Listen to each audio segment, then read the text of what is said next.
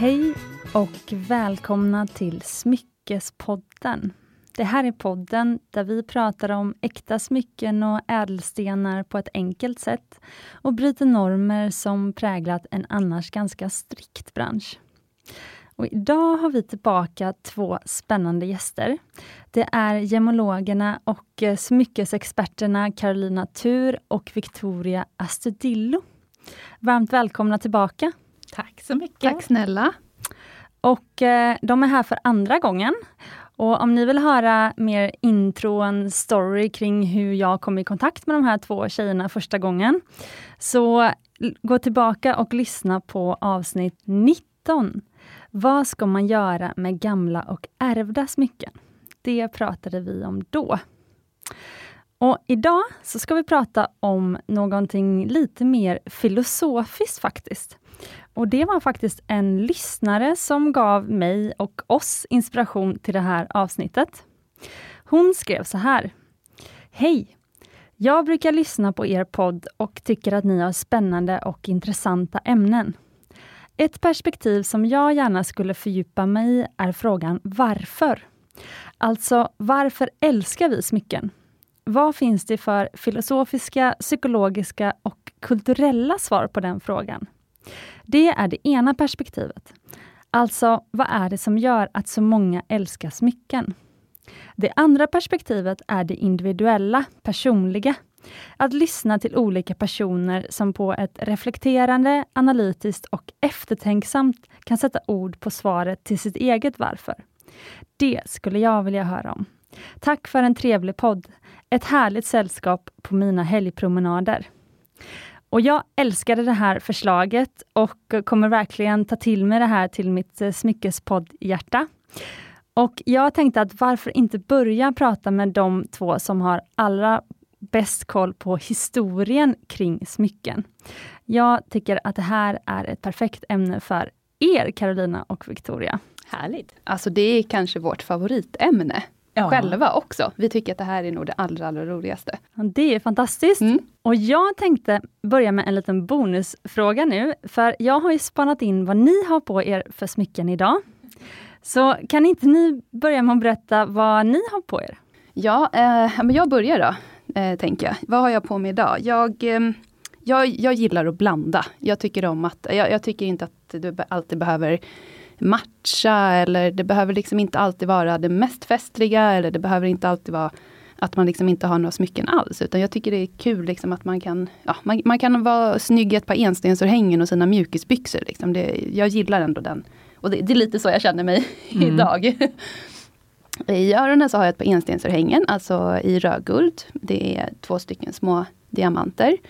Runt halsen så har jag ett enstenshänge med en gammal slipad diamant. Den har jag letat efter i, ja, jag vet inte hur många år Carolina? Ja, jag har varit med under hela din letarresa där. Sex, sju mm. år säkert innan jag hittade liksom den diamanten. För det var den där jag gillade. Den är inte perfekt på pappret, den är inte liksom Ja, den är inte sådär som den kanske ska vara kommersiellt, men den är min.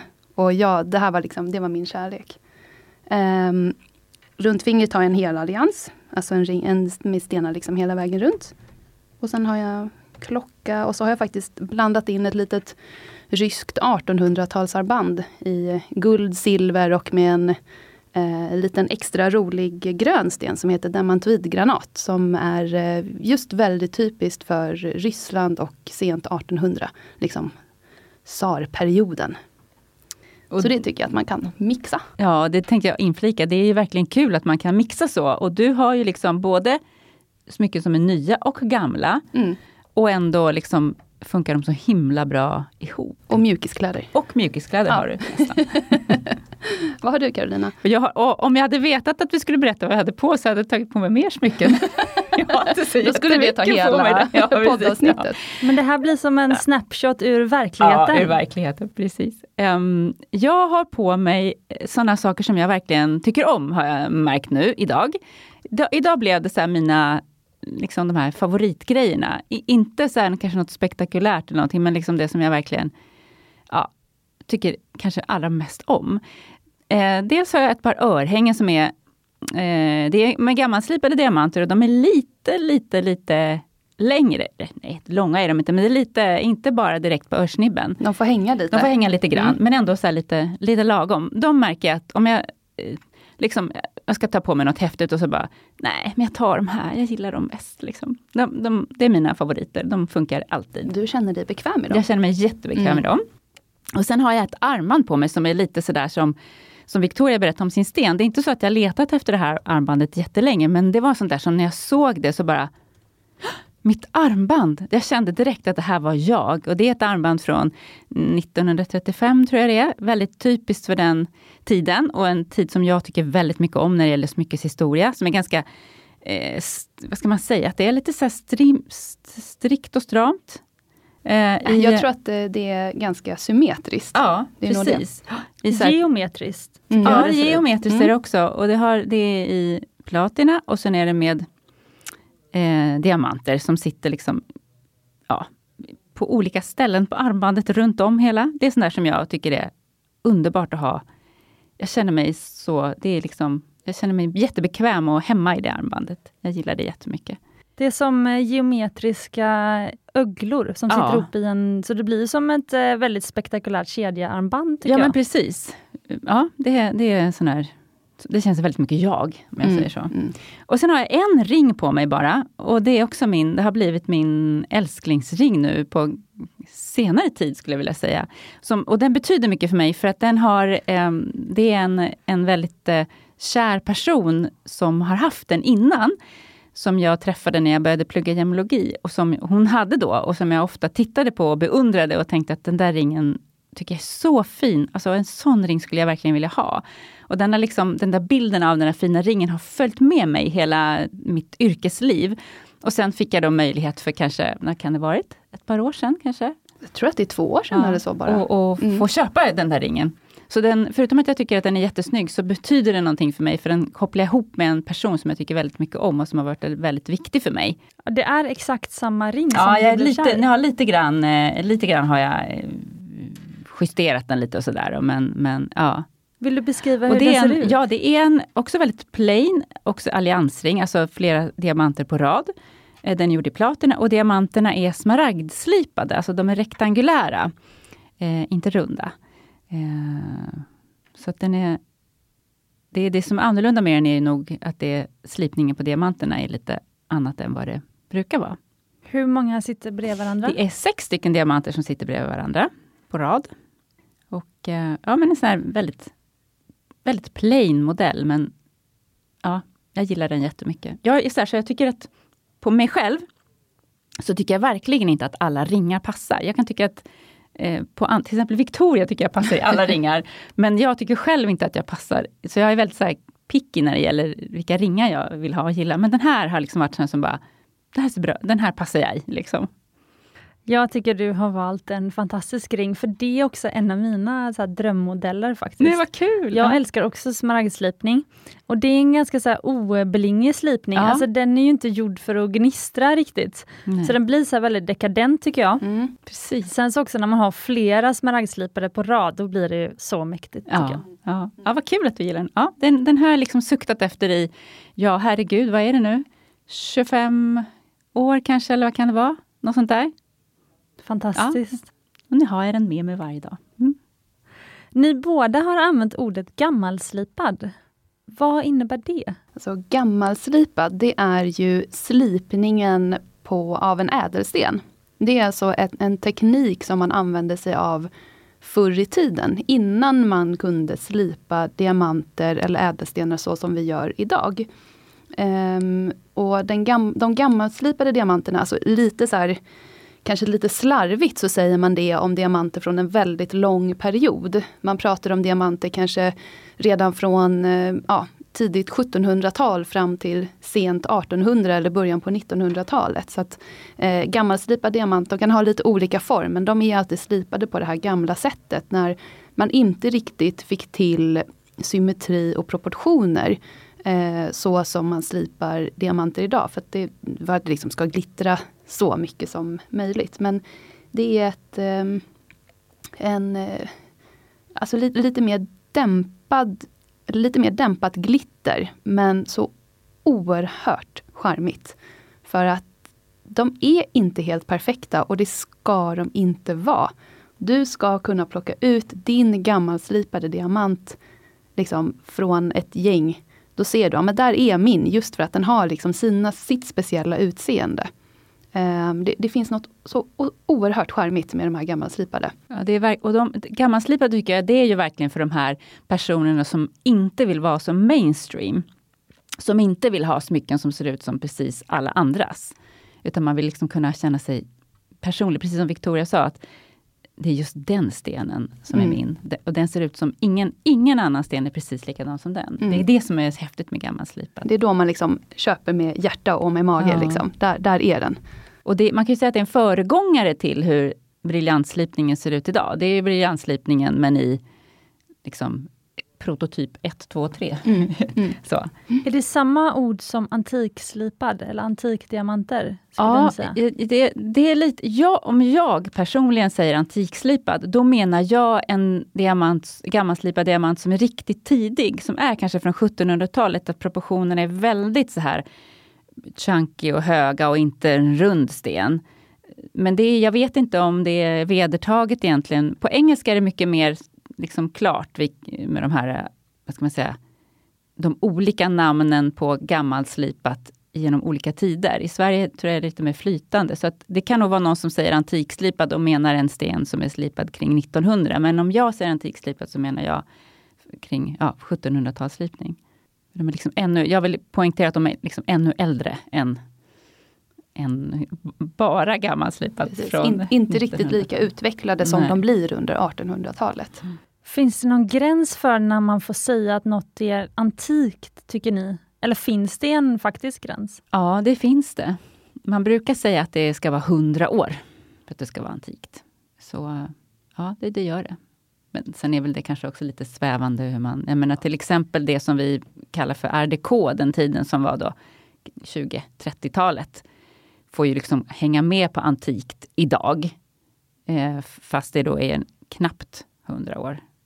Och sen är det väl många som slänger sig kanske med termer som semi-antikt och sådär. Mm. Och visst att det kanske är liksom halva den här liksom antikperioden om 100 år. Men eh, ja, alltså antik det är cirka 100 år mm. kan man säga. Kan det man liksom tycker är, vissa stilar och, och sådär kanske också känns mycket mer liksom, trista och gamla och liksom utdaterade. Och andra stilar känns mycket mer kanske trendiga och sådär. Och då tycker jag att antikt, ja, det, jag tycker inte att det är på pricken. Liksom. Man behöver inte vara att, ja, så här, nej, så här är det. Liksom. 100 år. Nej. nej, nej. Ja, okej. Okay. Så då om vi kallar ju våra antikslipade diamanter som är från ungefär 40-talet mm. för antikslipade för mm. att det ska vara liksom enkelt att förstå. Men då tycker ni att det är ganska okej då?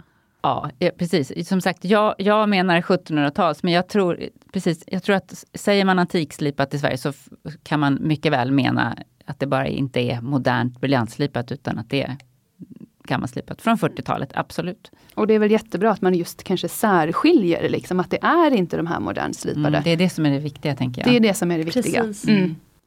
Men då kan man även säga gammalslipad då också? Ja, ja absolut. Ja men vad härligt. Men om vi går vidare till liksom huvuddelen till eh, mm. dagens podd. Vad skulle ni då säga är anledningen till att vi bär smycken? Den stora frågan.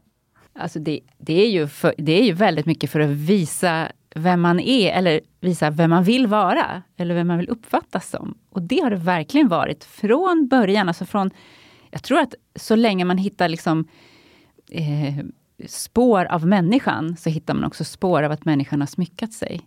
Om man tittar på gamla så här, fynd, arkeologiska fynd och sånt så finns det nästan alltid med smycken. Det, är, det har nog alltid varit ett sätt att visa eh, makt till exempel och att man vill också särskilja sig från någon annan. Eh, för det har ju på något sätt, tror jag, liksom i mänsklighetens historia har, har vi alltid, vi, vi, har liksom velat vara eh, civiliserade men också under kontroll på något sätt. Eh, och jag tror att med smycken så har det funnits liksom ett enkelt sätt att kunna särskilja kanske människor lite åt för att kunna på något ja, sätt kontrollera liksom samhället och civilisationen. Och Det kan ju också vara smycken som visar vilken grupp man tillhör. Kanske en, en eh, en speciell... eh, Prästerskap kanske? Ja, precis. Eller även tänker en speciell stam, om det, om det handlar om liksom, Alltså för länge sedan, eh, folkgrupper, då kanske man blir så att den här stammen eller den här familjen eller klanen tillhör jag, därför har jag sådana smycken. Och vilken, eh, liksom, var i hierarkin inom gruppen man är också. Den som är ledaren för gruppen har kanske en sorts smycken och de andra en annan sorts smycken. Det tror jag också det har varit historiskt sett. Status och makt, Status absolut. Och makt och, Mm. ja. För när man tittar bakåt på liksom smyckeshistoria, alltså vilka liksom viktiga tidpunkter finns det? Vart, vart liksom börjar smyckeshistoria? Ja, alltså egentligen tror jag att det börjar med mänsklighetens historia, mer eller mindre. Jag, Mm. jag, jag tror verkligen det. För att, det, som Carolina nämnde, det finns fyndigheter från gravar som är liksom några tusen år före Kristus, där man liksom hittar benfragment och så hittar man även fragment av till exempel pärlor som har suttit liksom på en rad runt en hals. Så man har även liksom klätt den här avlidna personen.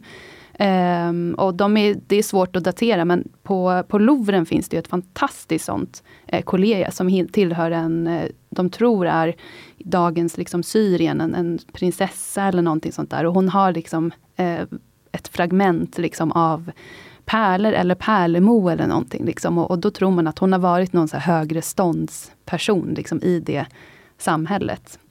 Eh, men egentligen, om man ska tänka smyckeshistoria så att, som vi kan koppla det till, där vi liksom känner att eh, ja, men vi, vi kanske kan förstå hur de här människorna tänkte liksom, och, och hur de, att de använde smycken kanske lite liknande så som vi gör idag. Då tycker jag nästan att det börjar ungefär vid renässansen. Mm. Och det, Vi, vi, brukar, vi brukar ofta börja där när vi pratar om smyckeshistoria. Ja, precis. För det, det är de människorna som, även om det var väldigt länge sedan, det här renässansen börjar ju på mitten av 1300-talet någon gång, men det finns ändå en, en koppling eh, oss och dem.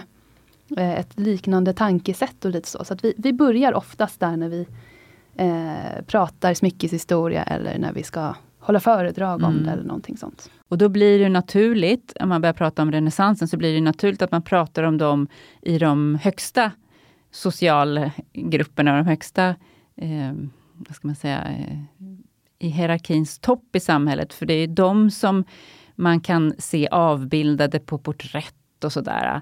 Så det är de som man ser vilka Ja, smycken de hade. För det säga. finns ju inte så mycket smycken som har överlevt Nej. från renässansen. Eh, utan det som, det som finns och det som vi kan studera så här i efterhand, det är ju just de här porträtten då, eller kanske vissa beskrivningar i skrift. Och det finns ju inte heller hur mycket som helst av, men, men just eh, porträtt och liksom målningar och sådär, där, där ger det oss liksom en idé om hur smyckena, hur de såg ut, vad det var för något och även hur man placerar dem på sin klädedräkt eller i sitt hår eller eh, på kroppen.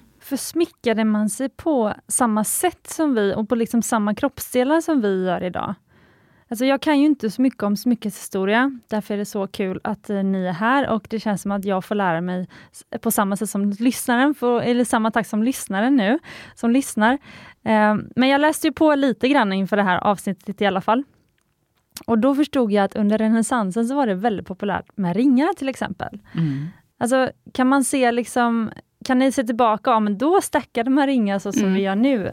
Absolut, det är ju jättekul, precis som du säger. Det var just liksom ringar och ganska många och på alla sina tio fingrar också. Eh, och det handlar nog väldigt mycket om eh, vad man också hade för klädedräkt och hur liksom hårmode och sånt var då. Det, det, man kanske inte hade en bar hals och kunde bära någonting runt eh, halsen då. Liksom. Eh, Så då, då, då är det man hade liksom att visa, det kanske var då händer, ja men då Och sen var det väl naturligtvis också ett sätt att visa att jag behöver inte arbeta med händerna, därför kan jag ha ringar på alla, fingrarna. Det, tar, det talar också någonting om ens eh, status i samhället, så att säga. Precis, för det jag också läst i den här historiska texten, jag tror det var på Nordiska museet, eh, men då var det att eh, man bar även ringar på den yttre fingerleden. Mm. Och det är det jag kallar för fingertoppsring. Mm.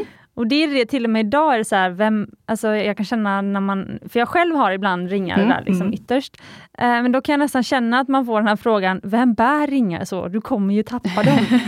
då gjorde man till och med det för 700 Mm. år sedan. Ja. Alltså ingenting är nytt. Nej, det är det som är så häftigt, eller hur? Det är liksom att det finns, man kan gå tillbaka i historien och där finns det. Liksom. Ja, Det är jättehäftigt. Det är, bara, det, är därför, det är så kul att man kan liksom inspirera. Så att du liksom, du med ditt smyckesmärke i, idag, år liksom 2021, kan faktiskt hitta inspiration eller liksom göra någonting likadant som man då, som du säger, använde för 600-700 år sedan. Fast idag kanske inte du har fingertoppsringar för att du vill visa att du inte behöver arbeta med händerna, utan nu kanske du har det för att du vill liksom make a statement av någon annan anledning. Ju. Ja men snarare, nu hoppar vi väldigt mycket bland århundraden här. Men, men när jag pratade om basgarderoben av smycken, för jag tycker att det finns en sån och det är ju de smyckena, kanske de som du har på dig idag. Ja, då. jag har verkligen min basgarderob idag. Mm. Precis. Eh, och min basgarderob kanske är faktiskt väldigt mycket örhängen. För att eh, de kan jag eh, sova i, träna i, eh, bära saker. Alltså, då kanske nästan fokus har flyttats från ringar för att jag vill visa att jag faktiskt använder händerna till saker. Alltså jag kanske har hundkopplet, då vill jag inte tappa, tappa ringarna. Mm. Eh, om det är en kall dag till exempel. Mm. Alltså det kan ju vara, man kan ju vilja signalera tvärtom också. Mm. Och så liksom när jag tränar, så nej, men jag kan ha mina smycken i öronen när jag tränar. Liksom. Och ändå känna dig liksom snygg. Och Precis. Lite, ja, Mm. det är ju häftigt. Ja. Ja, jätteroligt. Men ni berättade för mig att eh, det finns en italienare som var viktig under renässansen. Han kanske egentligen var mer viktig nu efteråt. Eh, det visste att han hade status och, och sådär då. Och han, han, han satte sina trender och, och sådär. Men eh, det är nog efteråt som vi kanske allra mest uppskattar honom faktiskt. Och när man läser, eh, det finns en bok som han har skrivit som Victoria och jag har läst med stor behållning och verkligen liksom skrattat åt formuleringar och verkligen tyckt att det var så roligt. För han var, han var ju väldigt, väldigt, eh, eh, tyckte nog själv att han var verkligen Bäst. den som visste bäst i världen.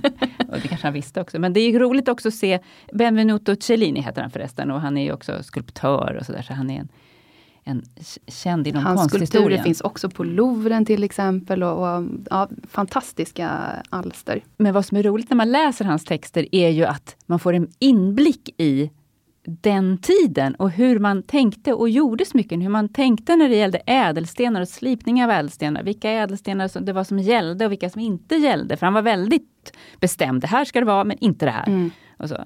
Och han eh, hade egentligen fyra sorts ädelstenar. det Det var det enda som var... de vita, det var de röda, de blå och de gröna.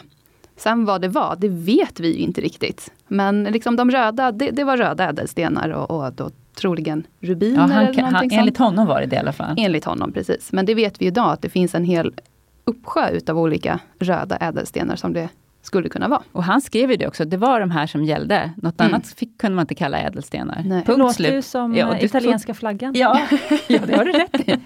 Men alltså, vi vet ju att så är det inte idag när gemologin har gått framåt i forskningen. Vi pratar ju mycket om det här med det som man förr kallade för halvädelstenar. Som vi verkligen vill poängtera att använd inte det begreppet längre för att alla ädelstenar är ju lika mycket ädelstenar. Mm. Så, så, men, men enligt Benvenuto Cellini så skulle det bara vara de här Mm. fyra. Alltså Rolex har ju till och med kallat upp ett, ett, en utav sina modeller efter honom. Så han har verkligen satt liksom, avtryck i vår samtid. För som Carolina sa, den här boken han har skrivit som heter The Treatises of Benvenuto Cellini, den är översatt till engelska. Eh, några århundraden senare än vad han levde. Eh, den är helt fantastisk. För Du ska få låna den, den är så rolig att Ja, läsa. han skriver i detalj hur han går tillväga när han tillverkar olika smycken, när han gjuter medaljer, när han ska emaljera. Emalj var ju jättestort då. Alltså en glaskrossmassa som man liksom värmer upp och sen eh, dekorerar liksom smycket med. Eh, han har fantastiska liksom skildringar hur han beskriver den här emaljeringen. Det är ett av de roligaste jag har läst. Han, han säger att ja, men det du ska göra är att du ska ta det här pigmentet, stoppa det i munnen och sen ska du tugga med, liksom, med dina tänder. Men det är bara under förutsättning att du faktiskt har några tänder. Själv hade han inga tänder. sa Själv hade han inga, han hade inga kvar i varje fall. Han, han kanske hade tuggat på emalj alldeles för mycket, jag vet inte. Men bara sådana saker är så här, vi, vi tycker att det är helt galet idag, men det bara beskriver liksom hur man gick tillväga då. Och, och man får ju ännu större beundran för de smycken som är gjorda på den tiden med tanke på hur vilka förutsättningar man hade då jämfört med vad man har idag. Mm. Och ändå kunde man göra så fantastiska smycken. Mm. De instrument, Mm. det ljus. ehm, det är liksom den värme, den låga. Liksom det, nej, det, det är verkligen fantastiskt. Men Mm. som sagt, det finns inte så många smycken från renässansen idag. Så de, de som finns, de får man nästan eh, se på museum. Finns hans smycken kvar? Eh, Inte smycken, men det finns väl någon, gjorde han, finns inte någon sån här silverskål mm, känd kvar? ja, som någon så här eh, båt kan man Ja, nästan säga på en precis. snäcka. Liksom. Eh, men smyck, det, det kan säkert hända att det finns. Men vi ska också säga så här. ehm, det kan mycket väl hända att det finns smycken som är tillverkade av honom, men vi vet inte om det. Mm. För det kanske inte finns dokumenterat. Och definitivt så tror jag inte att det har varit liksom stämplat på något sätt, så som vi tycker att det är så viktigt idag att göra. Och finns det då inte någon dokumentation att han har tillverkat det här, det här smycket, då, då är det liksom Då vet man inte om det är han försvunnet eller i historien. Tusen frågor nu, men jag Ja. älskar ju att ställa massa frågor. Men jag funderar ju då på hur blev han känd och vad hände efteråt? Alltså vilka tog liksom över efter honom sen? Alltså, um, det var ju inte vem som helst som hade möjlighet att bli liksom en god hantverkare eller en god skulptör eller en god uh, målare liksom på något sätt. Vi, under renässansen så har vi liksom några av de kanske liksom klassiska allra största namnen inom de här olika konstformerna.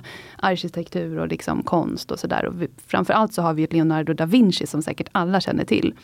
Eh, men det krävdes ju såklart att man också kom från en familj som hade möjlighet att låta en gå i skola och utbilda sig. Och det var ju såklart män då som fick, eller pojkar som fick den här möjligheten först och främst. Och jag kan inte riktigt eh, Benvenutos eh, familjehistoria eller liksom var han kom ifrån och sådär. Men han måste ju liksom i varje fall fått den här möjligheten och på något sätt man kanske kan utläsa det mellan raderna i den här boken, så var han ju väldigt självsäker. Det och han har säkert eh, tagit sig eh, eh, han har säkert tagit för sig helt enkelt. Och det tror jag var väldigt viktigt. Och sen är det så här att han lever också i en tidsålder där det bara exploderar. Det händer så otroligt mycket. Eh, om- liksom, I nästan alla vetenskaper, fysik, astronomi, eh, eh, ja, allt möjligt. Och jag tror att han liksom levde rätt tid liksom, för att kunna vara och ha den personligheten som han hade. Han startade ju som, ett, som en slags verkstad. Han hade lärjungar och han hade eh, flera människor som jobbade där hos honom. Så efter hans bortgång så har det ju säkert funnits eh, människor, andra smeder och sådär som liksom har fortsatt möjligen i hans anda. Liksom, och fortsätta gjuta medaljer och skulpturer och, och förhoppningsvis smyck, emaljerade smycken. Och en rolig sak, tänker jag, vid den här tiden och även senare, är ju att, eh, att det här att man är inte bara guldsmed till exempel, utan man är konstnär, skulptör, guldsmed, arkitekt, silversmed. Alltså det, konstnär var man helt enkelt. Det finns ju ett uttryck som heter renässansmänniska Mm. och det är just när man är duktig på flera olika eh, ämnen. Mm, Och det, det stämmer väl in. mm. Det har inte jag hört, men det Mm. är ju fantastiskt och jag tror att många idag kan känna igen sig i det där att man är eller vill vara en renässansmänniska. Mm. Så En allkonstnär. Liksom. Precis. Mm. Vilket man också, jag tycker att det blir lättare och lättare ju mer man hittar ett kreativt liksom, uttryck för sig själv, eller en, en kreativ kanal, så är det så mycket lättare att sen hitta det i andra Mm. och man tillämpar liksom idéer eller sin, sin självsäkerhet inom smyckesdesign då i mitt fall kanske, med så här, nej men nu kan jag prova att laga mat. Oj, jag har ju blivit bättre på att laga Mm. mat bara Mm. för att jag vågade göra det här med smyckena. Alltså jag tycker att det blir mycket lättare att, att sprida Mm. ut. Liksom. Jag tror att man uppskattar också liksom andra konstformer och liksom, eh, sätt att uttrycka sig på. Eh, när man väl liksom vågar ta det här steget att själv göra någonting kreativt. Och vad kul att man kan liksom applicera det renässansen till idag. Att Ja. det liksom, Jo, men jag tycker det låter som... ehm, för var kommer ordet renässans ifrån? Nu avslöjar jag mina urusla his, historiska eh, kunskaper. Eh, men um, var kommer det uttrycket ifrån? Alltså, under renässansen så kallar man ju inte tiden för renässans, utan det är ju någonting som vi har hittat på under århundradena senare. Eh, och renässans är väl franska och från början säkert latin. Eh, och betyder väl egentligen ny Ja, tid. på nytt födelse. Ja, på Mm. nytt födelse. Liksom. Och, och det var precis det det var då. Man liksom, den här kanske lite tråkiga medeltiden som inte alls är tråkig vill jag säga. Men många kanske tror att medeltiden var mörk och tråkig och det var sjukdomar och pest och liksom allting. Eh, att man där liksom tog nya tag och liksom, ja men Konsten ny och anda, antikens liksom. ideal och sådana där saker Mm. kommer precis. upp till ytan igen. Ja. På, på nytt födelse. Och att konsten fick också en plats. En väldigt självklar plats. Det har den kanske alltid haft men den fick ta ännu mer plats där och då. För att det inte längre handlar om överlevnad, kanske. Mm, Kanske, precis. Mm, precis. När man har gjort det där basala liksom, som man klarar av, då kan man liksom äntligen koncentrera sig på det där andra härliga, Mm. det yttre. Jag tror ju att vi går in i en, en ny renässanstid nu, Mm. efter de här eh, tiderna. Jag tycker det låter precis som att eh, den historien skulle kunna upprepa sig nu faktiskt. Mm. Ja, vad häftigt. Ja, det har inte jag tänkt på, men så kan det nog verkligen vara. Mm. Och man upptäcker ju allt det här som man säger, och det man pratar om det här som man behöver för att överleva. Men då upptäcker man också att man behöver ju det här, man behöver det här konsten och det, det, det vackra och allt det där. Det behöver man ju också för att må bra. Exakt så. Och jag har ju märkt det i försäljningen på mm, ja, Mumbai Stockholm, mitt smyckesmärke. För, för dig som är ny lyssnare så har jag ett smyckesmärke sedan sju år tillbaka. Och ni säljer ju även också smycken, men ni säljer ju antika smycken. Mm, främst gör vi det. Men ni har ju också så kontakt med kunder i liksom daglig, eh, eh, på vardagarna. Eh, men jag tycker man märker det nu, för vi har ju vår stora bulk av försäljningar som har varit liksom för, eh, vigselringar och förlovning och sånt. Det har ju verkligen så stannat av nu. Jag tror att man liksom väntar tills de här liksom tiderna är över och det märks särskilt, jag skulle säga 2020 var det mycket bröllop som ställdes in. Mm. Men det var ändå sådär att man, man förlovade sig och man liksom ville fullfölja de planer man haft innan. Eh, men nu 2021 tycker jag att man märker att det blev verkligen ett mellanår. Mm. Man väntar på att så här, det är inte så mycket förlovningar och inte så mycket vigslar överhuvudtaget. Ehm, men det som vi istället märker att vi säljer, det är ju de här smyckena som är liksom för Ja, men det, som, de som, det som de som är för drömmarna. Alltså färgglada ädelstenssmycken, eh, våra auktioner går jättebra. Alltså de här tjejerna som Gud, det låter så härligt. Färgglada liksom, smycken. Man blir bara glad av att höra det. Ja, men de, eh, alltså de samlar på sig ringar och de drömmer om stenar och de lyssnar på podden och tycker att det liksom är en härlig... Alltså det här, Det är nu eller aldrig. lite ja, så. Ja, men absolut. Men sen också det här att man så bara gillar att fly verkligheten lite. Så det är de här liksom lite verklighetsbefriande smyckesköpen som, som görs nu. Och eh, på ett liksom fint sätt. Mm. Inte liksom så ett, ett överflödssätt utan på ett så här, ehm, som att man tar hand om sig själv. Liksom. Mm.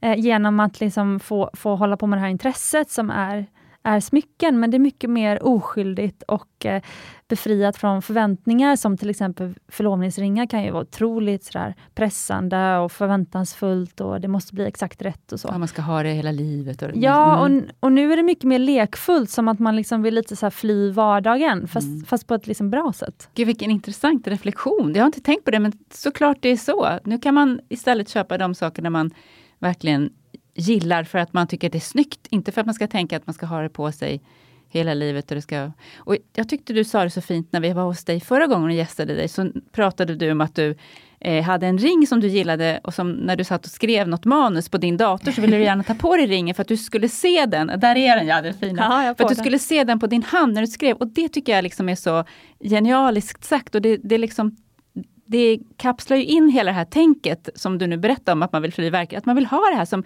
man tittar på och så känner man sig lite bra. Man mår lite bättre på något sätt. Det är, en, det är någon boost för eh, liksom välbefinnandet. Mm. Kan ni koppla det här på, ni har ju mycket his, historia i, som liksom ligger, ni kan ju hur mycket som helst. Alltså, kan ni koppla det till någonting som ni kan känna igen i historien? För att när jag hör då er prata om också det här med att det är mycket men, eh, det var för det övre skikt, övre klass, klassamhället, Mm. eller övre skiktet i det här samhället. Det var de som hade råd med smycken och de som kunde hålla på och bli smyckes eh, eller Mm. smyckestillverkare och så också. Alltså vad, vad kan man se för om jag tänker när jag var på indiska landsbygden då, och Indien är ju, ja, när jag var där så var ju fortfarande 70% av alla indier var ju, levde ju under fattigdomsstrecket. Mm. Men även de hade ju smycken, fast de hade ju enklare smycken. Så att man liksom ville ju ändå smycka sig även om man inte hade så mycket pengar. Eh, men snarare kanske de blev ännu mer kreativa också. Mm. Men kan ni se det liksom i historien att, man, eh, liksom, att, att det fanns utsmyckningar även i de lägre skikten? Ja, det fanns det ju säkert, fast de finns ju inte alls bevarade på samma sätt. Mm. Eller dokumenterade heller på samma sätt, Nej. tyvärr. Men ja, det vet, alltså hela den här egentligen liksom allmoge, alltså det svenska allmoget, det är ju liksom för ett annat samhällsskikt. Um, och, och, där ser man ju liksom inte bara i, i, i möbler och liksom um, alltså inredning eller vad man ska säga, utan även liksom allmogekvinnan liksom smyckade sig i enklare, alltså enklare material om man ska säga så. Det fanns liksom ringar eller kolleger kanske utskurna liksom i trä eller någonting sånt. Så att, absolut, det, det har funnits och det har säkert funnits mycket, mycket mer än vad vi någonsin kan veta. Liksom. Mm. Uh, för organiska material och sådär, de, de förstörs ju, liksom, alltså som trä och, och pärlor och sånt där. De, de förmultnar, liksom, det ska de ju göra. Så, så det finns kanske inte så mycket liksom, av det bevarat. Vem var den svenska allmogekvinnan? um, jag tänker att det var en sån här redig, jag tänker rejäl kvinna. Ja, precis. Mm. Eller någonting sånt. Mm. Ja, precis. En kvinna som eh, in, inte liksom eh, bodde på det, de, de, fina salongerna, liksom, men hon hade det säkert gott ställt liksom, på kanske en, en bondgård eller någonting sånt. Eh, hon var säkert både mor åt många barn och kanske lite liksom som en kanske brukspatron på något ja, precis, sätt. Hon var nog chefen där. Ja, precis. Ja. Och jag menar, det, smycken är ju också mycket kopplat till liksom ja, men, tro, inte bara religion utan även liksom tro kanske på alltså, nordisk ja, folktro, folktro och sådär. Liksom, att man ska hålla, skulle hålla vättar och sånt där borta liksom från sin tomt och liksom, man skyddade sig kanske med en ring i liksom runt halsen eller någonting. Mm. I ett snöre runt halsen och sådär. Liksom, så att det, det finns mycket, mycket liksom med smycken också. Ja, det, är ju, eh. precis, det är en annan del, att, inte bara att man visar vem man är, vilket status, utan också, där kommer ju det in som du säger, att, mm. att, att, man ska skydda sig mot onda väsen och bringa tur och sådana där saker. Mm, mm. Och det, det ser man i och för sig också, som vi sa, liksom, nu när vi har nämnt renässansen, liksom, att vissa ädelstenar och sådär, de eh, hade, kanske fortfarande har, en viss betydelse. Eh, vi ska prata till exempel korall, som är, eh, man trodde länge att det skyddade barnen från ondska. Så man, hade all, man lät alltid barnet kanske ha ett litet armband eller en liten collier liksom med så röda eh, liksom, eh, svarvade korallkulor eller någonting sånt där. Eller kanske en liten skallra typ som de kunde ha i munnen som en liten napp eller någonting mm. sånt. Just för att liksom, man trodde att korall skulle skydda just de här unga små barnen. Och, och det, det, ser man liksom återkommande med väldigt många olika ädelstenar. Och, och även, och även på porträtt ser man ju det. Ja, det ser man väldigt ofta. Definitivt. Ni pratade om Ebba Brahes pärlor. Mm. Alltså när man pratar svensk smyckeshistoria så måste man nämna henne, mm. sa ni. Mm. mm. Ja. Vad menade ni med det? Alltså då hoppar vi lite fram i tiden. Då hoppar vi in i eh, den tidsepoken som man kallar för barocken. Um, och bara för att säga först och främst liksom angående pärlor så är ju det kanske den äldsta och den mest uppskattade ädelstenen utav alla. För eh, pärlor har liksom, det, det, vet vi att det har funnits liksom bland nästan alla civilisationer på ett eller annat sätt. Och det som är så häftigt med en pärla är att det är en färdig produkt. När man hittar den liksom i musslan så är den klar. Där är den. Den behöver inte slipas, den behöver inte eh, efterarbetas på något sätt, utan den, den är där, liksom färdig. Eh, och den har alltid, alltid, alltid betytt status och makt. Mm. Och det och speciellt då på den här, alltså renässansen, barocken, rokokon, alltså århundradena, ja, flera hundra år tillbaka, innan man hade så mycket diamanter och andra ädelstenar. Alltså pärlan, det var det dyrbaraste man kunde ha. Så att det, det vi förstår nog nästan inte idag hur, hur, liksom, hur dyrbar och hur eftertraktad pärlan var. och eh, eh, just nu tappade jag tråden här, men Ebba Brahes pärlor skulle vi prata om. prata om pärlan. Eh, Ebba Brahe var ju, var ju en adelsdam som eh, var eh, förälskad i blivande kungen, så han som skulle bli Gustav II Adolf. Och de var ju båda förälskade i varandra och ville det, gifta sig med varandra. De var nog fruktansvärt förälskade i varandra, tror jag. Unga och kära. Mm. Eh, men och av Gustav Adolf fick då Ebba Brahe ett halsband med stora eh, svenska flodpärlor, alltså naturliga pärlor, som ju måste varit en otroligt värdefull gåva. En kärleksgåva. Eh, och tyvärr blev det ju inte dem, för att eh, det tyckte inte den blivande kungens föräldrar var någon bra idé. De valde en, en annan hustru till sin son. Så att det blev inte Ebba och Gustav Adolf. Men eh, de kom att ha mycket med varandra att göra, i alla fall genom åren och deras familjer kom att ha mycket med varandra att göra, i alla fall genom åren. Men de här pärlorna är så häftiga, både för att det har en sån historia, att det verkligen var en kärleksgåva på riktigt från två väldigt... Ja, det häftigaste av allt med pärlorna är ju att de finns kvar ja. idag. Och så att Ebba Brahe, det var inte bara en, liksom, en kärleksgåva så, utan hon, hon valde ju faktiskt att behålla dem. Eh, hon valde dessutom att eh, de skulle gå i arv då till hennes äldste sons fru. Som också finns avporträtterad med de här pärlorna på. Så man förstår ändå hur otroligt viktiga de här var. Och sen har de egentligen följt med familjen. Så de, de finns idag. Mm. Vi ser dem, har sett dem vid väldigt dem, få tillfällen. Ja. Eh, ibland, ibland, ibland lånas de ut och visas eh, Ja, på det är en utställning. utställning på något museum. Mm. Ja, och precis, det är så häftigt att de finns kvar. När vi vet hur känsliga pärlor är också. De är, det är väldigt, ett väldigt känsligt smyckesmaterial som inte tål kemikalier eller någonting. Eh, och, och de här har alltså använts, vad jag förstår, eh, genom åren. Eh, det här är inget som bara har legat i ett skåp, utan de här pärlorna har använts då från 1600-talet. Faktiskt används det, det, tror jag, till och med vid vissa tillfällen idag. Och så finns de kvar. Det tycker jag är så häftigt. De borde varit eh, förstörda sedan länge. Det är en svensk skatt, verkligen. Jag tycker det. Det är så himla häftigt. Det är inte många som kan skryta med det. Nej, så att om man, ser, om man får glädjen och tillfället att titta på de här någon gång, om de kommer på någon utställning, så ska man, förutom, så ska man tänka på att det är dels att den har en sån otroligt härlig kärlekshistoria. Och det är inte vilken kärlekshistoria som helst. Det är liksom Sveriges mest kände kung genom tiderna. Mm. Vi, till och med i, än idag så är det ju flaggdag på hans dödsdag. och Så, där, så det är liksom en, en kung som verkligen har, mm. har varit betydelsefull och hans eh, dödsår är ju kanske Sveriges mest populära eh, portkod, portkod har vi hört också, 1632. ja, och, och, precis, att, att han finns med i den här historien, att det är kärlek och att de finns avporträtterade, mm. pärlorna mm. i flera porträtt.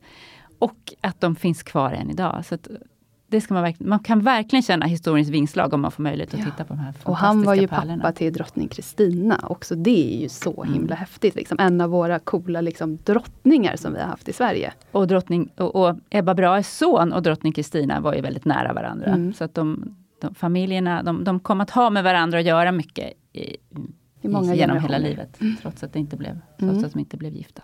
Ja, så vi, vi suktar och längtar efter att de här ska komma på utställning mm. snart igen. Så vi, vi får, alla får hålla tummarna mm. där hemma. Så den 6 november då ska man ta på sig sitt pärlkollier och gå och äta Gustav Adolf-bakelse. Ja, låter som en utmärkt idé. Ja. Barocken var då under 1600-talet. Men såg man då i Sverige att det blev liksom en trend i, jag vet inte, man hade antagligen inte skvallertidningen då, men man, människor har alltid älskat att skvallra, så det måste ju gått ett skvaller. Alltså blev det en trend med pärlor då i Sverige efter det här? Eller? det var nog redan en trend, alltså en trend, men det var, det var det som, om man skulle ha någonting riktigt värdefullt och riktigt liksom statement, då var det pärlor. Mm. Och det var kungligheterna som hade det. Mm. Sen fanns det säkert ett sug bland de andra eh, samhällsklasserna att, eh, att vilja vara som de där eh, i de högre samhällsklasserna. Så, men pärlor som sagt, det har alltid, alltid varit populärt. Och under barocken, alltså barocken har ju fått liksom sitt namn av den barocka pärlan. Alltså den här pärlan som är eh, liksom ojämn och eh, inte har liksom någon slät yta utan den, den ser liksom ut som ett stormigt hav nästan. Eh, he, hela perioden barocken har liksom fått sitt namn efter de här pärlorna. Och om, så populär var pärlan. Liksom. Ja, precis. och om renässansen då stod för liksom på och lite mer glamour, vad stod barocken för? Vilken tidsepok var innan det? Svårt. Alltså jag ser barocken lite som en så här, det här är min personliga åsikt, lite som en mellanperiod. Eh, alltså Sverige och Stockholm var fortfarande ganska litet. Jag tror att här i Stockholm kanske det bodde 9, 10, 11 000 invånare eller någonting sånt där. Och de flesta bodde ju liksom i Gamla stan, möjligen kanske lite utanför mot, mot söder. Liksom. Eh, så det är ju liksom ingen storstad på det sättet och vi var ganska långt ifrån liksom metropolen nere, metropolerna nere på kontinenten. Eh, då såklart Paris och, och eh, även i England och sådär. Mm. så jag tror liksom att de trender som nådde oss, det var ju liksom genom kungligheterna för att de tyckte att det var så pass viktigt att få hit liksom rätt arkitekter, eh, rätt, men, rätt porträttmålare och sådana saker. Och då fick man ta liksom den kunskapen och den arbetskraften utifrån. Och genom dem så fick man liksom med sig då alla de här trenderna, hur det skulle vara, hur det skulle se ut och sådär. Um, Alltså nu, jag vill inte prata ner barocken, jag menar inte att det är en mellanperiod på något tråkigt sätt, utan bara att det, det, det, det liksom, utvecklingen sker inte lika snabbt så som vi kanske tror att det, att, att det är som, som, så som det gör idag helt enkelt. För idag kan ju liksom, det händer grejer liksom på tio minuter här och det här är liksom en, en nästan eh, hundraårsperiod liksom när det mesta kanske ser mer eller mindre detsamma ut. Mm. Det, det är mycket krig och sådär ute liksom i Europa och Europa är ju liksom ja, det, den största liksom, delen av den kända världen. Liksom. Allt annat är utöver. Um, och det är klart att det inte alls sprids liksom, trender och intryck och sådär så som, som det gör liksom, sen, under senare tid. Men ja, hur ska man liksom jämföra barocken? För jag tänkte, jag var tvungen att smyggoogla här, mm. men för jag tänkte direkt att eftersom ni sa att pärlor blev så lyxigt och det ansågs så lyxigt, mm. Eh, och så pratade ni om att man tog influenser från nere i Europa och så vidare. Då tänkte jag, men borde det inte ha att göra med Orienten? Alltså, började man inte handla med eh, Kina och de här länderna då? Alltså, eller var kom pärlorna ifrån? De måste väl kommit därifrån? Eh, både och, men jag tror många av dem, till exempel Ebba Brahes pärlor, de är, är högst troligen från Sverige. För okay. att det fanns ju också eh, pärlor i våra svenska floder. Så att de pärlorna kommer nog härifrån. Men såklart kom ju också pärlor ifrån eh, Persiska viken och, och, och mer exotiska ställen. Så mm. Att, eh, mm. då, då hade ju... Sydamerika. Eh, ja precis, då hade man ju nått liksom eh, den sydamerikanska kontinenten och där finns ju också, eller fanns ett enormt pärlbestånd. Men du har rätt, det är nog precis, man börjar upptäcka världen på, ja, på 15 och 1600-talet. Mm. Talen. För vad hände då mellan om man säger 1300 och 1600-talet, alltså mellan renässansen och barocken? För det, jag vet om, det lilla jag vet om diamanthistoria, det är att diamanten blev liksom känd som förlovningsring, alltså bland de riktigt eh, höga klasserna, runt 1500-talet, tror jag. Mm. Men när började man liksom använda den typen av ädelstenar? Men det här, Victoria var inne och nämnde det här lite att stenar kan ha olika sorts betydelse. Och det pratade man ju mycket om till exempel under medeltiden. Dels visste man inte så mycket om ädelstenar jämfört med vad vi vet idag. Utan det var ju mer så här blått lika med safir, rött lika med rubin, grönt lika med samaragd. Det var väl ungefär det man visste och några stenar till. Men då var det ju, under medeltiden så var det ju viktigt att en sten skulle symbolisera någonting. Eh, och, och, till exempel då Safir som var stenen för prästerskapet för att det skulle då eh, eh, verka för dygdighet och ta bort orena tankar och sådana saker. Så att där, under den tiden tror jag att de här stenarnas symbolvärden var väldigt viktiga. Och säkert även under renässansen. Sen eh, under just 1600-talet så var ju liksom den stora diamantproducenten var, kom ju faktiskt då från Indien. Så därifrån kom liksom alla de diamanterna eh, som kom till Europa då. Eh, och Indien, Indiens maharadjor och sådär, de behöll ju såklart de allra största och finaste själva. Men eh, den lilla delen, eller vad man ska säga, i varje fall jämförelsevis, som kom till Europa, den var ju liksom öronmärkt då endast till de här olika kungahusen och så. Eh, men det var ju de lite mindre diamanterna, alltså de som var lite mindre i storlek och kanske de som inte var riktigt lika fina och perfekta. Ehm, och sådär. Men eh, ja, jag tror, då kommer liksom diamanten gör ett intåg på den europeiska marknaden. Eh, och jag tror absolut, det fin jag vet att man har liksom några fyndigheter ska vi säga nu, liksom, av eh, ringar och sådär med diamant. Men de är ju ganska enkla mm. liksom. Och man ska komma ihåg att det, det, det fanns verkligen inte tillgång till så mycket ädelstenar på den här tiden som vi, om vi jämför med nu. Det var, det var verkligen, verkligen någonting ovanligt. Ja, och gjorde man en beställning fick man nog vänta ganska länge tills, tills det där faktiskt kom. Men på 1600-talets slut så finns det en fransk handelsman som handlar just den här, vad heter det, silkes, silkes Sidenvägen. Sidenvägen heter mm. den, med eh, Indien. Han heter Jean-Baptiste Tavernier. Och han är en handelsman som just handlar med ädelstenar. Och han åker till Indien och där hittar han ju då, eller hittar, han tar. byter, tar, ja vi, vi, vet inte riktigt hur han har fått tag på dem, men han får i varje fall tag på eh, diamanter och han för dem tillbaka till Europa. Och först och främst gör han ju såklart det till det franska eh, kungahuset där, Ludvig den 14 då.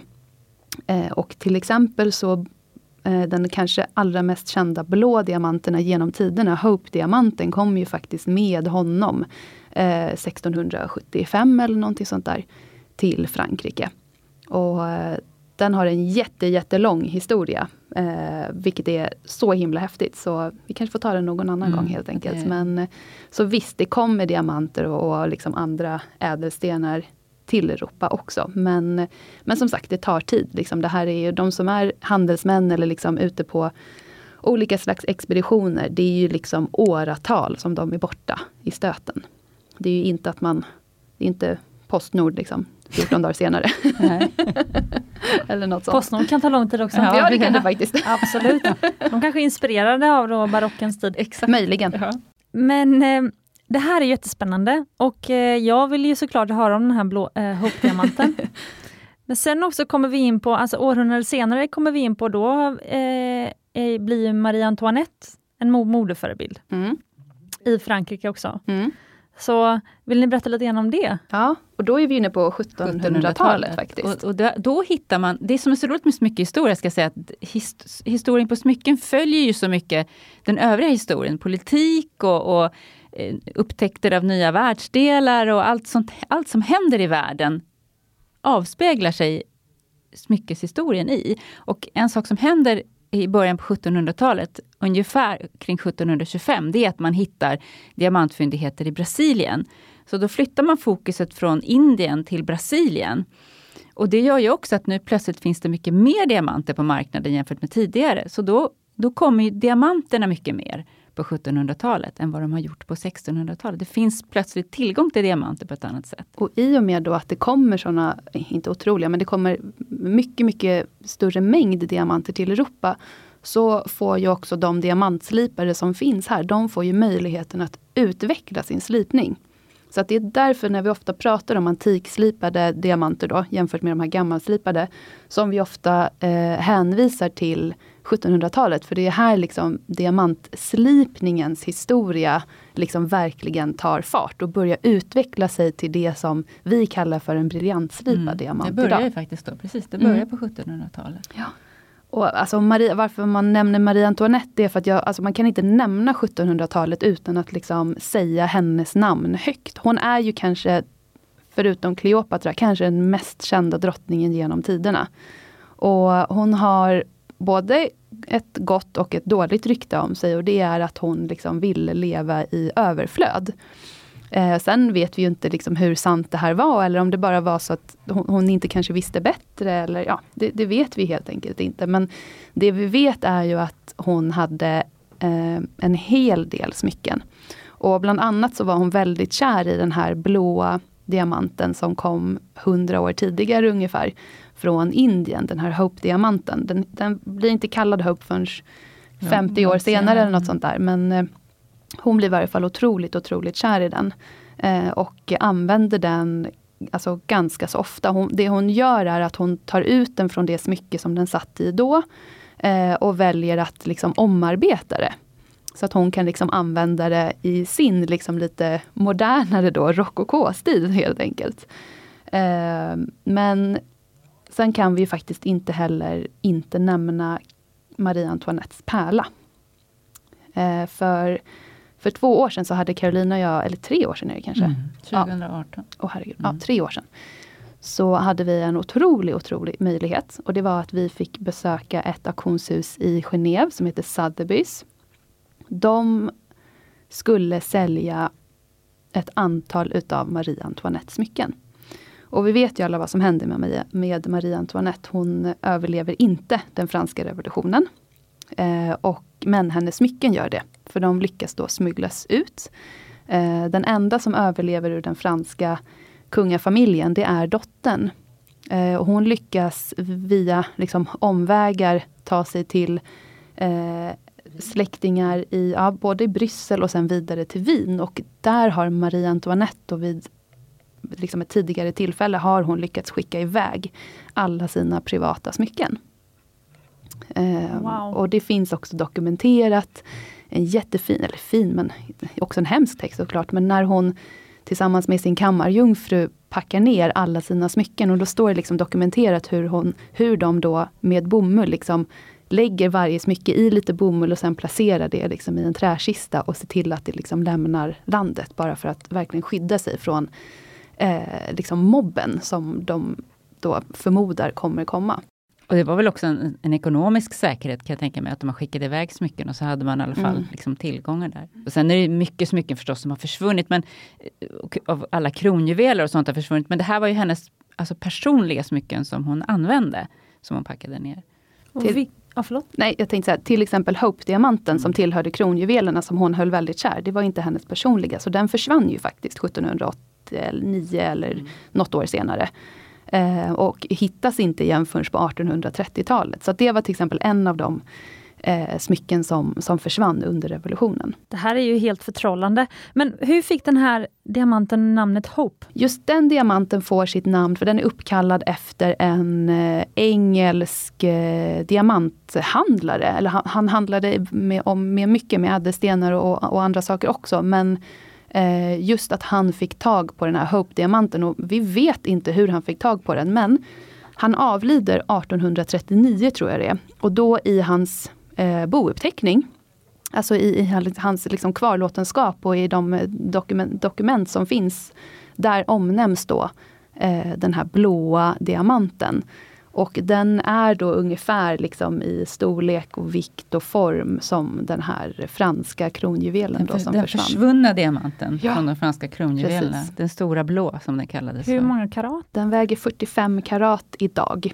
Eh, då pratar man om karat i lite annan... Eh, en, en karat vägde inte lika mycket, eller vägde lite mer än vad, vad det gör idag. Så jag tror att den omnämns som att den väger 47-48 karat eller någonting sånt där. Men idag vet man att det är samma. Men vi skulle ju prata om Marie Antoinettes pärla förresten. Ja men gud, det glömde jag ju bort. Herregud. Vi bara flöt iväg och började prata om massa annat. Jag har en till grej. För jag blir helt, jag sitter och fantiserar om hur hennes smycken såg ut. Alltså vad hade ja. hon för smycken? Mm. Så det ska vi också prata om. Mm. Mm. Men den här pärlan, jo, mm. alltså Caroline och jag fick ju den här fantastiska, fantastiska möjligheten då att åka ner till Genève eh, och besöka då det här auktionshuset Sotheby's som då skulle ha sin visning inför auktionen där de då sålde ut sålde ett antal utav Marie Antoinettes smycken. Och de hade ju, det fanns ju liksom helt korrekt dokumentation. Liksom från den dagen som Marie Antoinettes dotter liksom återförenas, eller vad man ska säga, med Marie Antoinettes smycken och liksom i hennes tur, liksom familjeledet, hur de liksom ärvs ner. Så de hade funnits i familjen ända fram till då? Mm. Och nu, nu var det så att den familjen, de systrarna tror jag som var kvar, de hade båda avlidit. Så då valde de som fanns kvar att eh, de här smyckena skulle säljas då helt enkelt. Eh, men då fanns det bland annat en helt otroligt vackert hänge med en jättestor pärla. Kanske den största naturliga orientaliska pärla som vi någonsin har sett. Ja. Eh, en stor droppformad, eh, krispigt vit pärla som satt liksom med, eh, själva hänget var då i silver, för det var det materialet man önskade då, för att ovanför den satt nämligen också diamanter. Gammalslipade diamanter och precis då som nu så ville man gärna att diamant skulle sitta i vitt, eh, vit metall. Eh, och då var det i silver som man hade att tillgå. Och pärlan var verkligen, alltså nu då, 2018 var den liksom som, en, som i mint condition. Mm, helt fantastisk. Så wow. vi fick ju möjlighet att sätta oss ner där med Daniela Maschetti som då, då var Sotheby's, eh, vad ska man säga, hon var chef liksom ja. för juvel eh, Juvelavdelningen. Juvelavdelningen, smyckesavdelningen. Så vi fick sitta där med henne och samtala med henne i nästan en och en halv timme. Och så fick vi då känna och klämma och titta på och ett 10-15-tal utav de här smyckena som då en gång har tillhört Marie Antoinette. Och då var bland annat den här pärlan. Eh, och jag tror att vi båda två var helt och vi var så... Det var som att hon var där ja, nästan. Du sa till och med, det känns som att hon är här. Ja, och jag till slut, jag sa till Carolina att gud, kan du ta det här ifrån mig? Mina händer är alldeles svettiga liksom. Jag vågar inte röra de här sakerna. det var helt fantastiskt. Och det är så häftigt med smycken, att det på något vis gör smycken, som är någonting som är så kopplat till en person, gör att när man håller de här smyckena som Marie Antoinette har haft, så får man någon sorts direktkontakt med henne. Eller det blir någon sån här härlig koppling som jag tror egentligen bara smycken kan förmedla. Andra föremål blir inte riktigt lika nära kopplade till någon som mm. smycken blir. Om det är för att det sitter på kroppen eller någonting, men det är någonting just med smycken ja. som gör att det, att det blir den här känslan. Den här pärlan såldes ju sen ett par dagar efteråt, efter att vi hade varit där och känt och klämt på den. Inte bara vi, såklart väldigt många andra många också. Andra också. Ehm, och eh, den tillsammans med hennes andra smycken, all, allting såldes ju såklart till eh, rekordsummor. Men just den här pärlan slog nog alla rekord eh, någonsin som ett pärlsmycke mm. har gjort. Den såldes då för 32 miljoner schweizerfranc. Oj, oj, oj. Och det, en schweizerfranc är väl ungefär som en amerikansk dollar, kan man säga. Så en 300 miljoner svenska kronor eller någonting sånt där. Och det är den dyraste pärlan som har sålts eh, hittills. Mm, hittills. Och, och det den, kom till en, till en smyckesälskare också, upptäckte vi senare. Ja, det var ju väldigt så här, höljt i dunkel liksom vem det var som faktiskt fick ropa in de här Marie Antoinette-smyckena. Eh, vi spekulerade hejvilt mellan oss om det var kanske Louvren i Paris eller någon rik shejk eller någonting sånt där. Vem har de här pengarna och liksom kan betala så här mycket för de här fantastiska föremålen? Eh, men det visade sig faktiskt att det var en eh, kanske en modern, man kan kalla henne för en modern mecenat, alltså en modern, eh, vad ska man säga, eh, framhejare liksom utav eh, konst och eh, kulturella föremål. Hon heter Heidi eh, Horten och hon är en österrikisk miljardärska som eh, samlar på konst och juveler och vad är kanske lite besatt utav just Marie Antoinette. Hon håller just nu på att eh, sammanställa sin, sin då privata samling till ett museum i Österrike. Eh, men det som var så roligt var att vi fick ju då sommaren efter, alltså sommaren 2019, helt plötsligt tror jag någon av oss satt och scrollade på Instagram och liksom skrek till att Va? Där Maria kom det upp liksom ett foto på den här Heidi Horten då, när hon har på sig både då ett tvåradigt pärlkollier, som också var med på auktionen, som hade tillhört Marie Antoinette. Samt det här då jättevackra eh, stora pärlan. Liksom. Som ett, en halsbandsstack? Mm. Ja, precis. Wow! Mm. Och då hade hon på sig vid invigningen, eller ja, någonting i varje fall, vid något officiellt framträdande. Och det var så himla häftigt att hon stod där 2019 och har på sig de här smyckena. Wow! Ja, men det var liksom mm. lite så här, det är coolt. Men det här med att samla också tycker jag är intressant. Att samla på objekt eller saker eller mm. som smycken och så. Jag har ju fått en ny liksom, beundran för det faktiskt, att våga samla på någonting. Eh, för att jag såg ett tv-program med en inredare som är helt fantastisk och hon är ju men så duktig att hon, liksom det hon gör blir som konst. Alltså, mm. Hon kan hålla på med ett rum, alltså en hotellobby liksom fem års tid och liksom göra den, den perfekt. Liksom. Och få låta den växa fram liksom, under tiden som hotellet liksom fortfarande drivs på. Mm. Men, och, och, så hjälper hon ju också såklart eh, ja, vanliga, fast vanliga rika människor då kanske. Mm. Eh, eller bemedlade människor eh, med deras liksom, inredning. Och ett av hennes uppdrag var faktiskt att eh, displaya en kvinnas eh, personliga samling av ringar. Mm, så den här, kvinn, ja, den här kvinnan älskade ringar och hon liksom visste inte hur ska jag liksom displaya dem på ett liksom snyggt sätt. Eh, också kanske utan att det liksom blir eh, men för liksom Alltså, för in your face som man säger, alltså på ett snyggt sätt. Liksom. Mm. Eh, och då designade hon liksom en, som en inbyggd liksom, gl eh, glasvitrin Eh, som man kunde, alltså i väggen och man kunde öppna dörrarna då och då hade hon lagt liksom alla ringar i, unik, i varsin unik skål. Och det var, liksom, det var säkert tio hyllrader som man liksom öppnade. Och så kunde man se alla smyckena där. Och det gjorde ju den här kvinnan så lycklig. Det blev hennes favoritplats i hemmet. Åh, mm, vad häftigt! Så det är ju häftigt. Men så Marie Antoinette, alltså det här liksom samla på sig då smycken för att man kan ju se det som att det är ju, vad är det svenska ordet för indulgent? Alltså det nästan blir vulgärt eller mm. sådär. Mm.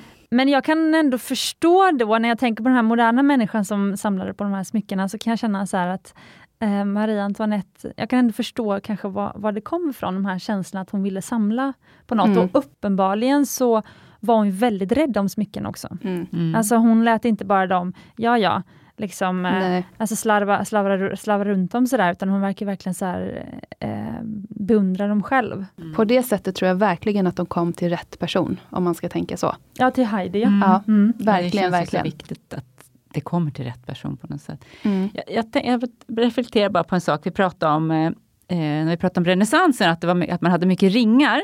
Och då sa ju Victoria att det beror ju också lite på hur modet var då. Att under renässansen hade man till exempel väldigt mycket höga kragar och man hade liksom eh, huvudbonader och hättor. Och så, här, så ringar var ju det som var bra att ha och, och sånt kedjor och sånt som hängde utanpå kläderna. Och broscher och knappar? Eller? Ja, och knappar och sånt där. Och man tänker ju på... Och även män smyckade sig. Och även män smyckade mm. sig. Eh, och barocken, då var det ju mycket det här ett, ett ett, en rad med stora pärlor, för då hade man liksom halsen bar och man hade inte kanske någon huvudbonad på samma sätt som täckte liksom öron och sånt där. Så då kunde man liksom börja kanske ha örhängen mer också. Och sånt där. Och på 1700-talet under Marie Antoinettes tid, då något som, som man tänker tror jag, allra mest på i modet, det var de här otroligt höga frisyrerna och perukerna och hattar då som män hade. Och där hade man ju också smycken väldigt mycket. Det är ju en, en sorts smycken som är helt bortglömda idag eftersom vi inte har alls den typen av mode idag med, med, med höga, höga hår och höga hattar. Att det fanns väldigt mycket hårsmycken och hattsmycken då på den tiden. Är det som kammar? Eh, ja, och det var också tror jag att man, man ser på porträtt så kan det vara att man har liksom en Eh, eh, Egrett ägrätt, är ju ett, ett smycke som är väldigt typiskt för den tiden, som vi inte liksom alls ser idag. Och Egrett det är ett smycke som eh, namnet kommer ifrån eh, eh, hägerfjäder. Alltså man tänker sig att det ska se ut som en fjäderplym som sitter i håret, fast det då är med, gjort av metall och med stenar till exempel. Som sitter liksom i håret och är som en sån här stor fjäder. Eller man kanske hade, det kan man också se på porträtt, att man hade pärlrader som liksom låg i håret. Sådär. Eh, och det är ju väldigt ganska dekorerat. Häftigt. Väldigt, liksom. väldigt dekorerat. Mm. Och det var liksom en del av outfiten, om man säger. Så mm. man skulle se ut. Och på 1700-talet hade man ju också smycken som man bar på dagen och smycken som man bar på kvällen. För då tyckte man till exempel att på dagen fick man gärna ha de här kanske lite mer färgglada. Man hade ett fint halsband kanske med stora ametister eller citriner eller liksom häftiga topaser i öronen eller någonting sånt där. Och så på kvällen, det finns inte något ljus som är bättre för de gammalslipade diamanterna än levande stearinljus. De ah, wow. lever upp på ett sånt otroligt fantastiskt sätt. Och det måste de ju vetat redan då. Så på kvällarna, då var det diamanter. Så otroligt vackert. Mm. Så att det här liksom kanske populära tennisarmband och liksom Riviera-collier när det är liksom diamanter på Mm. en enda lång rad runt halsen. Det var så populärt då. Så att det är inte heller en ny trend. Nej. Det här är ju härligt. Jag ser ju framför mig nu att man har vackra färgglada ädelstensmycken på dagarna och så sparar man diamanterna till kvällen. Mm. Visst kan man göra så? Mm. Det är ju så självklart när man tänker på det nu. Mm. Ja. Eller hur? Ja, verkligen. Men jag vill prata lite grann om menssmycken då. Mm. Ja. Alltså smycken för män. Mm. Mm. Så när började liksom män smycka sig? De har alltid smyckat sig. Ja. Det är egentligen män idag som alltså, inte smyckar sig. Det är egentligen de som står ut ur mängden skulle jag säga. Våra moderna liksom, killar här och i samhället. För att i alla andra tider så har män alltid smyckat sig. Kanske till och med mer än vad kvinnorna har gjort. För Gustav III pratade ni om. Mm. Ja, alltså han är ju precis det där som Carolina sa med den här egretten, alltså den här eh, huvudbonaden. Så det finns ju ett otroligt fint porträtt. Nu vet inte jag om det kanske är Alexander Roslin som har målat det. Kan det vara det möjligen? Nej, jag tror inte att det är det, om det är det som du tänker på. Ja, då har han i varje fall egretten på sig och då har han eh, en, en liksom, nå, hatt liknande Mm, liksom hatt på huvudet. väl, ja. Eh, och sen så liksom har han den här fantastiska egretten då som är i, i silver och med liksom stora gammalslipade diamanter. Ehm, vår kung Gustav den tredje, han var väl kanske eh, Han var intresserad och han ville väldigt gärna liksom smycka sig. Eh, han ville vara som eh, Alltså inspirationen och trenden var ju liksom Frankrike och och sådär. Och de hade ju, de var ju otroligt liksom utsmyckade där och han ville ju inte vara sämre på något Jag sätt. tror han var väldigt mån om att visa hur världsvan han var och hur mäktig han var och liksom att han hade både smaken och möjligheten att kunna ha de här smyckena. Och han tävlar ju, det är också känt att han tävlade mycket med sin kusin Katarina den stora, kejsarinna i Ryssland. Ryssland. eh, Om vem som hade, var mäktigast och vem som var finast och vem som hade, Mm. hade säkert bäst smycken och så vidare. Så Och- där tror jag väldigt mycket är, är är också fråga om att han ville visa sin status, tror jag. Absolut. Och även män i andra samhällsklasser under liksom Gustav den tredjes tid, alltså den gustavianska perioden som vi kallar det här i Sverige.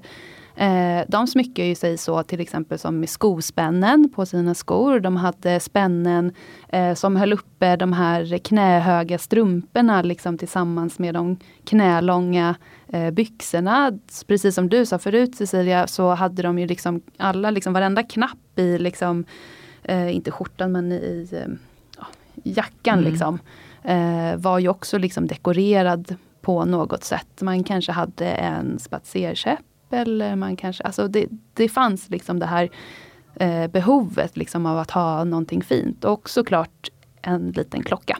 Ja men precis.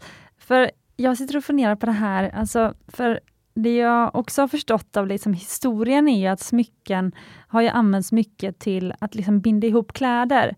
Alltså broscher, knappar. Mm. De Alltså, har haft en funktion. Ja precis. Och då har man ju passat på liksom att eh, varför ska man ha en ful knapp? Man kan ha en fin knapp och så har man smyckat och smyckat och smyckat och så. Eh, och då börjar jag fundera på så här, varför har liksom inte liksom den här smyckestrenden kommit tillbaka för män? Eller den kanske har, men inte på samma sätt. Alltså det är ändå liksom övervägande kvinnor som bär smycken idag. Och så då funderar jag på om det här är, är alltså, och då det jag tänker på då är att män faktiskt bär smycken, men de kanske bär manschettknappar. De har ju också en funktion. Och så bär man eh, klockan, har ju en funktion, eller hade i alla fall en funktion. Och så bär man eh, förlovningsringen, vigselringen, den kombinerade, den har ju också en funktion. Och, men liksom där tar det stopp kanske lite grann. Och det är inte som, det finns ingen träd att, att man ska ha en guldknapp med en liksom rubin på jeansen, så då liksom, det, man vi är inte där. Så, så då blir jag så här, men om det ska bli en trend igen för män att bära smycken, behöver det då bli något eh, Behöver liksom vi smyckesdesigners eh, eller smyckessäljare, smyckestillverkare eh, skapa ett behov, då, ett praktiskt behov och det är då vi kommer vinna liksom männens hjärta. Den andra ringen jag tänker på är också att många har en högskolering. Till exempel min pappa har ju en högskolering sen han gick ut, eh, Chalmers. Och det har ju också en funktion. Mm. Det, det kanske bara ramar in män, för att generalisera. Ja, eller jag tänker faktiskt också på, om man ska tänka efter, så är alla de här sakerna är också statussymboler. Mm. Klockan är en statussymbol. Eh, ingenjörsringen är en statussymbol. Ja, även vigselringen är en statussymbol, att man har kommit någonstans i livet. Och manschettknapparna är också en statussymbol, att du liksom klär dig fin. Så det är väl, det är väl egentligen bara att man måste hitta något, något, något bra som killarna tycker är bra statussymboler som de kan... Ja, och sen, jag. jag vet inte om kanske män också tycker att eh, liksom smycken är någonting som tillhör kvinnor, som är feminint. Och idag är det ju liksom inte, man ska ju inte vara för feminin. Liksom. Många män kanske inte liksom riktigt hittar sin liksom, kvinnliga feminina sida. Att det, att det kanske är någonting sånt där liksom, som blockar dem lite. Att de ska vara trygga, tuffa och coola. Liksom. Men samtidigt kan jag se de yngre killarna, tycker jag, börjar man se kanske visst bär smycken. Mm. Att de kan ha mycket, många ringar och halsband och, och hängen och sådär. Och, och, och, till och med har man ju sett, det kanske inte är precis var och varannan, men man har ju sett ibland sådär när man tittar på röda mattan-bilder att det är också kändismän som har broscher och sånt där. Då. Ja men hallå, Sylvester Stallone 1980 har en skitcool, han har liksom en svart, jag tror att det är, är det fracken han på sig, eller vad är det han har ja, för någonting? Ja. Smoking, vad som helst. Och så bara har han liksom på slaget på kavajen liksom en jättesnygg Cartier-brosch. Och Alexander Skarsgård hade också det på någon så att, Och även pärlhalsband där man börjar se på killar. Och så här. så det, det kanske är liksom, de är på väg att erövra det där igen? Liksom? Ja, jag funderar på, nej men jag sitter och funderar på det här feminint och, och, och maskulint och det, och det kan ju vara att de här yngre männen, de kanske har mer kontakt, de vågar ha mer kontakt med sina känslor, mm. för det är mycket liksom prat om det nu och, och de är mer liksom mm. tillåtande till det. Och då blir det också att de liksom mer vågar eh, ha personliga attribut och visa sin personlighet genom smycken och så kanske. Mm. Samtidigt funderar jag på, alltså min eh, eh, kille är ju väldigt så, alltså han är bilmekaniker, det är hans, liksom, han jobbar inte som det nu, men det är hans liksom, eh, utbildning från början. Eh, och liksom där är det ju, alltså han hade jättemycket så ringar med dödskallar och, mm. alltså, och de ska ju vara så himla Alltså de ska ju kanske sätta på sig en, en, för, alltså en, rust, en rustning som ska vara så himla så manlig. De kanske inte är det innerst inne eller vill vara så buffliga innerst inne, men de ska ändå ha den rustningen. Mm. Och där ingår ju samtidigt ringar eller smycken. Och han har ju två hål i öronen som han inte... Jag försöker sätta i guldringar där nu, för jag tycker han ska ha små hoops. Eh, men det vill han inte. Men snart så kommer han vilja det. Jag ska övertyga, jag ska övertyga honom. Men jag menar, så, så jag vet ändå inte om det har med det här klassiska manliga och kvinnliga attributen. Alltså, det, det är två tudelat för mig. Mm. Jag, ja, nu, nu, börjar, nu kanske mina tankar flyger iväg helt, men till de här typ, gangsterrapparna, de har ju så ja, attribut exakt. med så här blingigt och mycket, det ska vara mycket diamanter, blinga halsband och alla de här som märkes Gucci-keps och väska som, som när jag tittar på det tänker, det ser ut som en tant. ja, liksom, att det, att det kanske är att de liksom tar tillbaks de här grejerna och, och gör en ny twist av det så att det blir eh, liksom coolt. Ja, men, men, om man också ska knyta tillbaka till, eller knyta ihop det här med historien. Jag känner att vi måste ju, herregud, vi måste prata mycket mer om ja, det här. Ja, det skulle vara så roligt om lyssnare, om du som lyssnar hör av dig efter det här och liksom vilka delar du tyckte var spännande eller som du vill vi ska prata mer om. Och som du vill höra Caroline och Victoria, liksom deras eh, tankar om och deras kunskap. Eh, så om du som lyssnare tycker att det här är spännande så, så skriv jättegärna till Smyckespoddens Instagram där vi heter Smyckespodden och då kan du skicka ett vanligt personligt meddelande bara. Men om man ska knyta ihop säcken så, tycker jag det låter som att historiskt sett så har det varit eh, värt, eller man har fått belöning för att vara en färgstark person som vågat sticka ut. Det är de som, personerna som sen blir historiska och som vi sitter och pratar om nu. De som vågade samla på sig massa smycken eller de som vågade liksom vara allkonstnärer som den här italienaren under renässansen. Ska hem och googla honom. Ja, gör det. Du ska få låna den där boken också, den är väldigt rolig att läsa. Ja, det är, ja. Det är komiskt. Ja, men jag, jag, tror att du sammanfattar det ganska mm. bra där. Sen har vi, nu stannade vi på 1700-talet, men det får vi ta i ett annat avsnitt. Vi har ju vi har ju både 1800-tal och 1900-tal som händer massa grejer. Så det, Ja. historien stannar liksom inte, utan det fortsätter och fortsätter. Mm. Nej, alltså anledningen ska jag säga till att vi måste bryta nu är för att vi fick veta innan avsnittet att vi måste vara ute ur studion nu om fem minuter. För det kommer en annan eh, poddgäst och de visste nog att vi kommer dra över annars. Men en cliffhanger då faktiskt till nästa avsnitt kanske. Vi får nog boka in en ny tid direkt. För att ehm, ni bara förberedde mig lite grann att på 1800-talet med drottning Victoria Ja. så började det med de trender vi ser idag. Ja, Ja, Alltså på ett nytt hela sätt. Mm. industrialiseringen och vad är det som händer liksom i massproduktion och serietillverkning. Alltså då händer det grejer. Ja, det är spännande. Okej, så nästa avsnitt med er kanske faktiskt får handla om det. Mm, Vi hade ju ett absolut. annat tema på gång, men det får bli nästnästa. Alltså vi kommer så nästan. gärna tillbaka fler gånger. så, så Ja. länge ni vill ha oss, så inga problem. Ja. Har ni något, eh, ni något ni vill säga till lyssnarna nu innan vi... Alltså egentligen tänker jag så här, ehm, jag, jag tänker ju så att man, smycken och sådär, det, det följer väldigt mycket trender och sådär. Men det, det jag tycker är kul att, tänka på när man själv liksom läser på liksom lite historia eller lyssnar på en sån här podd eller sådär, det är att man förstår att de här trenderna, de kommer liksom någonstans ifrån. Det är inte liksom alltid någonting sprillans nytt. Men däremot tycker jag att man alltid, alltid, alltid kan hitta inspiration. Eh, och det, det tycker jag är, liksom är roligt och häftigt. Och liksom, det kan räcka med att man sitter och bläddrar i en bok, kanske med fantastiska porträttmålningar eller någonting sånt där. Och bara, men gud, det där var en snygg frisyr. Eller så där skulle jag vilja ha ett örhänge eller någonting sånt.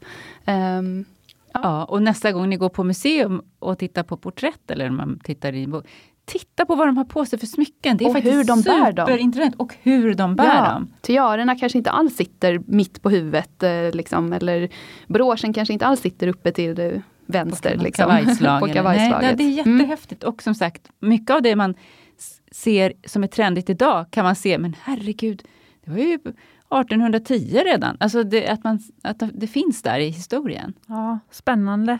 Har ni något tips på var, för jag har själv letat efter böcker om smycken till exempel. Mm. Alltså har ni någon sån, eh, för den, den, den lyssnaren som vill lära sig mer? Eh, alltså, det finns inget sådär eh, jättebra samlingsverk idag tycker jag. Framförallt Eh, inte på svenska. nej. Men om vi ska avslöja någonting så har vi ju någonting litet sånt där på gång kanske.